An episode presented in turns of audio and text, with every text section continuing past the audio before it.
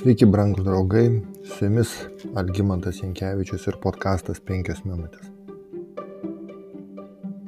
Permaldavimo diena vykusi Tišri 10 dieną arba 7 mėnesio 10 dieną buvo vienintelė diena per metus, kai viešpats įsakė visiems žmonėms ne tik dalyvauti šventame susirinkime, bet ir pasnikausite ir kosite viešpaties ugninę atnašą. Kunigų 23-27. Permaldavimo diena nėra gana tikslus žodžių į lietuvių kalbą vertimas. Biblijos žodynai siūlo a, daugiskaitos formą atpirkimo diena. Žodis kafar, iš kurio kilęs šios dienos pavadinimas, kai kuriuose vietose taip pat verčiamas kaip pridengti, o kitur atleisti.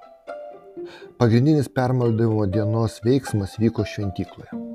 Vyriausias kunigas aukojo aviną kaip deginamąją auką ir jauti kaip auką už nuodėmę, už save ir už visus kunigus. Kunigų 16 skyrius.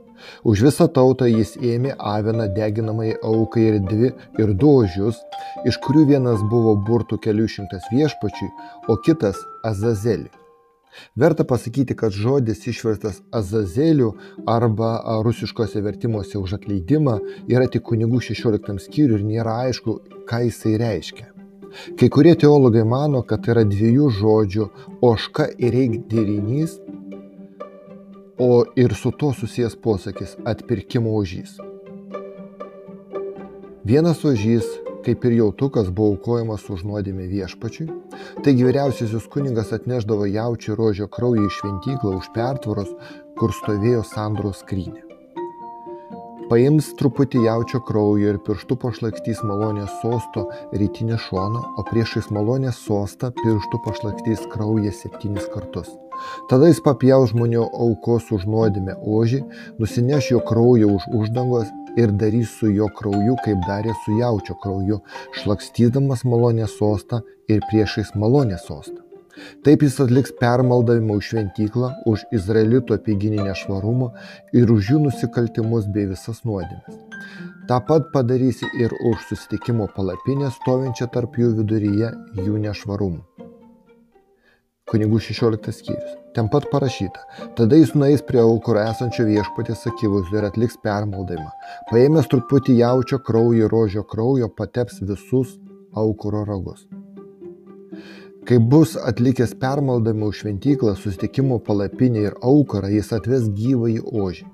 Tada Ronas uždės gyvajam ožiui ant galvos abi rankas, išpažins virš jo visas izraelitų kaltes ir visus jų nusižengimus, visas jų nuodėmės sudėdamas ožį ant galvos, o ožį per tam tikslui paskirtą žmogų išsiūs į dykumą.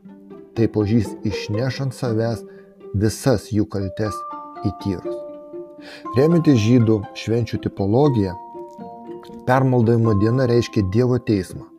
Kai Kristus atėjęs kaip būsimųjų gerybių kunigas, praukštesnė ir tobulasnė padangtė, nerankų darbo, Tai yra ne šitos kūrinijos, taip pat ne ožių ar veršių krauju, bet savuoju krauju vieną kartą visiems laikams įžengė į šventovę ir įvykdė amžinai atpirkimą.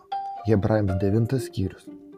Šis sprendimas pateisina teisiuosius, pašalindamas nuo jų nuodėmę, pateisina dangų ir Dievo valdymą, pašalindamas visas dangiškųjų gyventojų abejonės ir perkelia visas nuodėmes, įskaitant tas, kurias žmonės išpažino ir gavo atleidimą, perkelia tikrajam blogio mirties pradininkui šetonui, kurį simbolizuoja antrasis ožys. Kaip Dovydas sako psalmėje, jis iškasa duobę, dar pagilina ją ir pats įpuola į savo iškastą duobę. Jam ant galvos grįžto jo piktumas, jo smurtas krinta, jam ant pakaušio. Jėzus kalbėdamas apie artėjančią kančią ir teismą pasakė, dabar teisimas šitas pasaulis, dabar šio pasaulio kunigaikštis bus išmestas laukan. Jono, sky, Jono Evangelija 12 skyrius.